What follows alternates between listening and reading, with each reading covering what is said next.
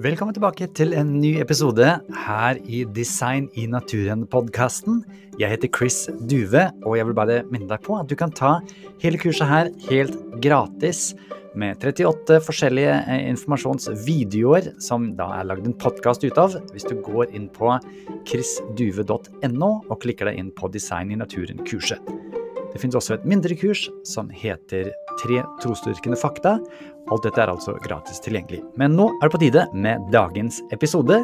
Vær så god.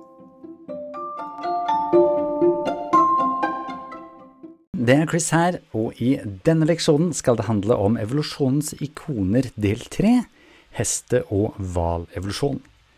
Utdanningsdirektoratet oppmuntrer oss med å si hvis ny innsikt skal vokse fram, må etablerte ideer granskes og kritiseres, med teorier, metoder, argumenter, erfaringer og bevis. Og det er det vi skal gjøre når vi ser på lærebøkenes eksempler om makroevolusjon, i denne leksjonen hesteevolusjon og hvalevolusjon.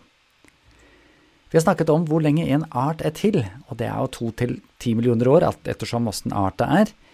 Og da kan det i løpet av 20 millioner år altså skje fire til tolv små endringer i f.eks. pattedyr. Viser altså hestefossilene makroevolusjon? I skolebøkene ser vi at hesten har hatt en evolusjon fra liten til stor hest, med noen endringer. Og Det går veldig fint og gradvis for seg, som du ser på bildet her. Det har oppstått nye gener og vært en lineær utvikling som viser at makroevolusjon skjer i naturen. I 8 så ser vi dette som et bevis for utviklingslæren, og vi leser at denne rekken av dyrene har blitt stadig større, dessuten hadde tennene og føttene forandret seg. Den gradvise forandringen ble brukt som det endelige beviset for utviklingslæren, med denne pene rekkefølgen. Fordi fossilene som først ble funnet, de blei da oppsummert i denne type slags plansjer, Othniel Marsh fra Gjell universitet begynte med dette i 1882 allerede, altså før Darwin døde. Dette blei elsket og spredt, fordi det viste så enkelt og greit en lineær og gradvis evolusjon, slik som vi har lest det i Tellus 8. Men la oss gjøre som Utdanningsdirektoratet har oppmuntret oss til, å eh, sjekke og granske. La oss høre med dr. Jonathan Wells om historien er så enkel som den ser ut her. Well, it used to many decades ago, but actually, uh, it's been long known that the story of horse evolution is not that simple. The fossils that you just mentioned uh, were found on different continents uh, at different ages. Uh, many of them are not related to each other. So, what we have instead of this nice straight line from the small uh, ancestor to the modern horse, is not a straight line at all. It's more like a bush with lots of dead ends at the tips. So the story of horse evolution used to be common in American textbooks, but it's, it's hard to find now. It's not, not that common. Så det har forlatt skolebøkene i USA, ser det ut som. Um, Raup, som skriver i 'Conflicts Between Darwin and Paleontology', er enig. Han sier de klassiske sakene som skal vise darwinistisk forandring i fossilene, slik som hestens evolusjon i Nord-Amerika, har måttet blitt forkastet eller endret, siden vi per i dag har mer informasjon enn det som da var den gangen, eh, f.eks. med denne plansjen som da William Matthew lagde i 1903. Det som så ut som en enkel fremgang da vi hadde lite informasjon å gå på, viser seg nå til å være mye mer kompleks og mye mindre gradvis. Her er det altså blitt en endring.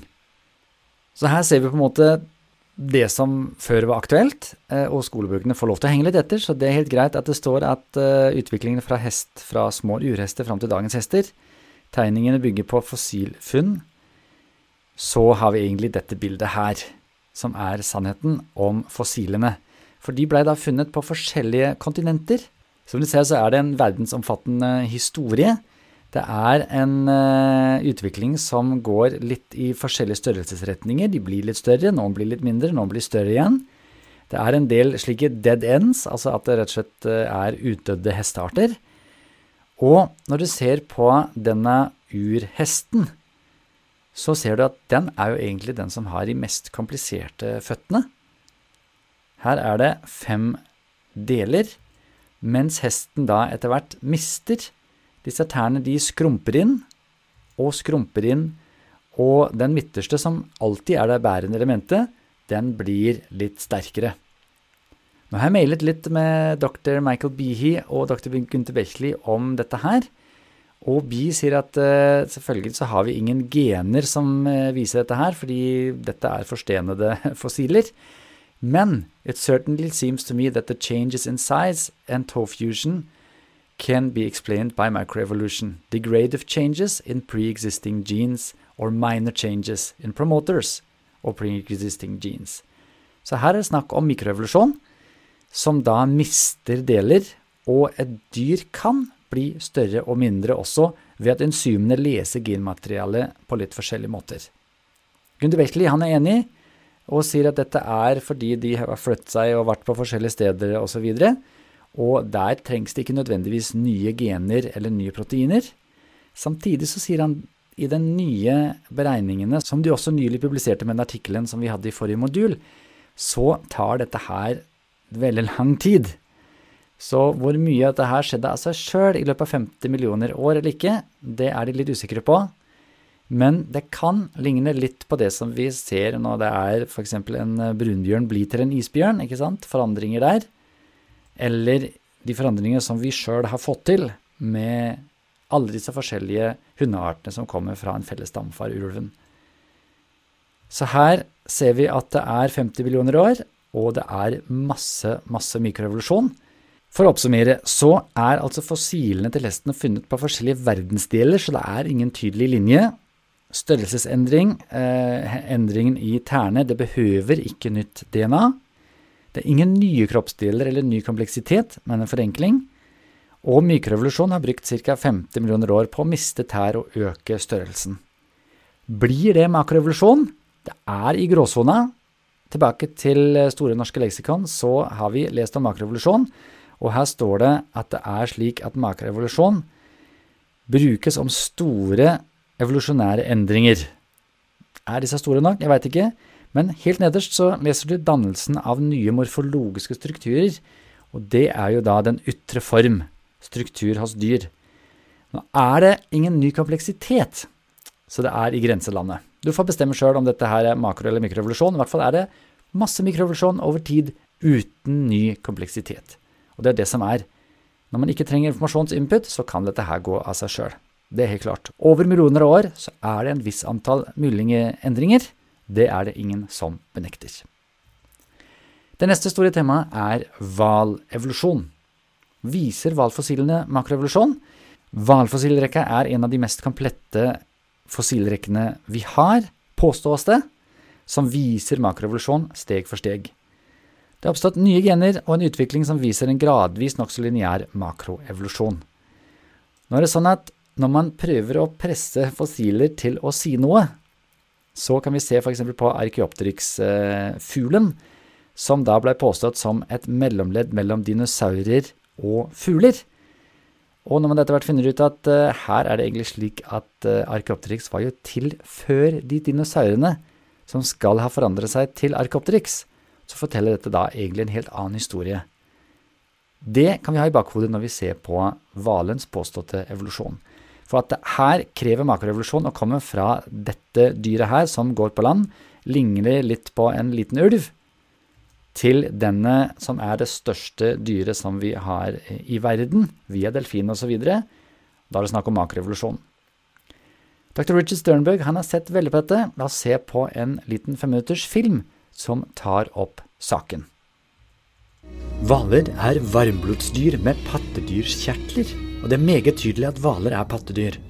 Og hele hvalens liv foregår i saltvann med alle sine detaljer. Da kan man spørre hvordan blei så disse store, luftpustende, melkegivende pattedyr i havet til? Har darwinistisk evolusjon et godt svar på dette? La oss se på saken. De fleste har lært hva Darwins teori sier om hvalens utvikling. Et firbeint pattedyr på størrelse med en ulv eller en sau forandrer seg gradvis i sin biologiske oppbygning til en hval over mange millioner år. The standard textbook account I take to be artistic license. When you look at the problem of being a land mammal that finds itself, speaking loosely, in an aquatic environment and you've got to conduct your everything there, including reproduction, you have to have the coming together of a number of adaptations. And that is unfathomably complicated. Størrelsesorden som tilpasningene må oppnå, er voldsom. Annet må hodeskallen, inkludert muskler, omformes. Neseborene må flyttes opp på hodet. Forbena må omdannes til finner. Skjelettet må omkonstrueres, og et ballformet kulelage må lages slik at halen kan gå opp og ned. Noen titalls tenner må gjøres om til hundrevis av plater, som er spekket med børstelignende fibre. Nyrene må omorganiseres slik at de kan takle saltvann. Lungene må forstørres opp i eksponentiell størrelse, og de må tilpasses slik at de kan motstå trykket under hvalens dypdykk. Et fettlag må dannes rundt hele dyret, slik at det kan overleve i det kalde vannet. Ørene, øynene og huden må modifiseres til nye funksjoner under vann.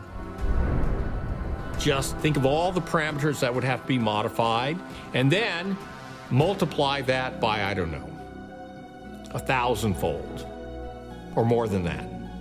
That's the scale of the problem that you're dealing with. Dersom Darwin skal redegjøre for muligheten til forandringene, ville det mest betydelige organet vært hvalens testikler, som må fungere for at hvalen kan formere seg. For at hvalen skal kunne svømme på en effektiv måte, må kjønnsorganene flyttes fra den ytre landgående utgaven til inne i hvalens kropp. Men for at sæden ikke skal dø, må testiklene plasseres i temperaturer som er lavere enn den gjennomsnittlige kroppstemperaturen. Unless it's kept below, you'd have no sperm production, period. And in evolutionary terms, sterility means it's no go. You don't count in, in the race of life, so to speak. One of the necessary conditions of natural selection is the ability to reproduce. You can't have natural selection if you don't have reproductive capability.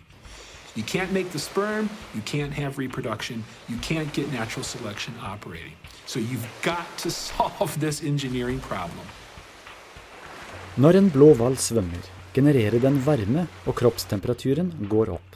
For å unngå sædcelledød har hvalen et nedkjølingssystem som er konstruert rundt blodomløpet.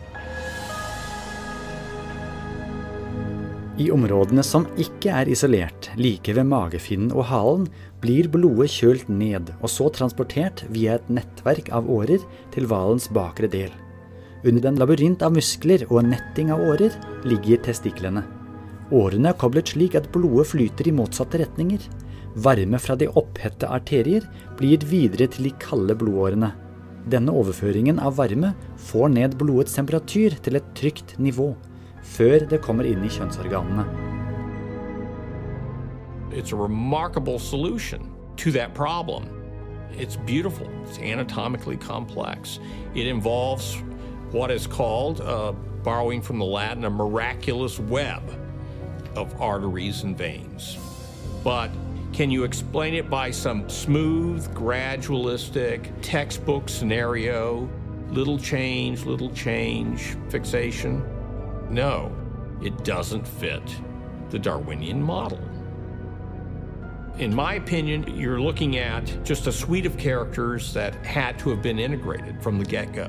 I mean, it's a non gradualistic type of change. So the cooling system makes sense because you have internalized reproductive glands. The internalized reproductive glands, however, are a no go unless you've got the cooling system. You can't explain the emergence of one without the other. Systemer i naturen, hvor alle komponentene må være til stede samtidig for å oppnå funksjon og levedyktighet, kan ikke utvikle seg gradvis slik Darwin foreslo. Kanskje det er på tide å tenke nytt? Takk for din tid.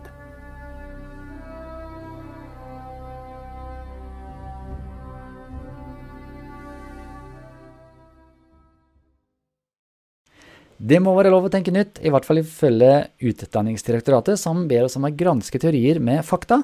Og fakta er at pattedyr utvikler tre til fire endringer i genene i løpet av ti millioner år. Nå har vi mindre enn ti millioner år. Og dette her tar minst 100 millioner år eller mer. Og derfor er det slett ikke tid til å få til disse gigantiske endringene. Mer om det også i neste runde, men her kan vi også si at makroevolusjon med ustyrte mutasjoner og naturlig utvalg ikke får til disse endringene. Det fins noen hovedproblemer i makroevolusjonsteorien. Det skal vi komme til neste gang med noen veldig gode eksempler, så det er bare å glede seg, for der tar vi på en måte hele teorien og bretter den ut og ser om den egentlig duger i virkeligheten i forhold til tanken om hva som skal til. Men i denne leksjonen har du lært at hesteevolusjon ikke viser en lineær gradvis evolusjon, men en rotete mikroevolusjon med dead ends og med dyr som blir større og mindre, og en fot som blir enklere og enklere.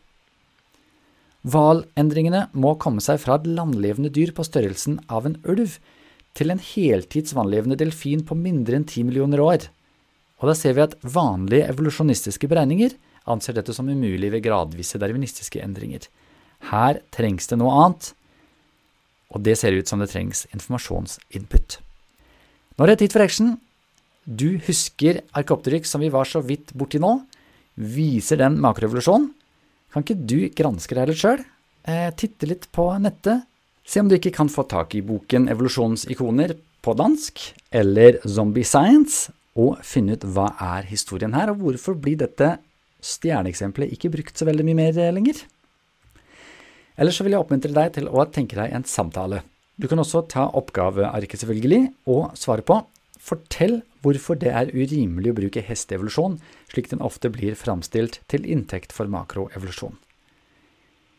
Og hva er problemet med hvalfossilene i forhold til utviklingen som skal til fra et lite landlevende dyr til en delfin eller en hval? Og til slutt, hva er det som skal til for at en hval skal bli til? Dette klarer du.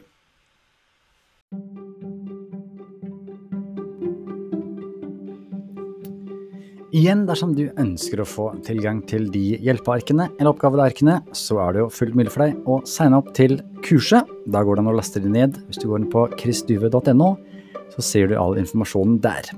Dersom du ønsker å støtte denne podkasten og annet arbeid som jeg holder på med, kan du også lese mer om det på chrisduve.no. Takk for nå.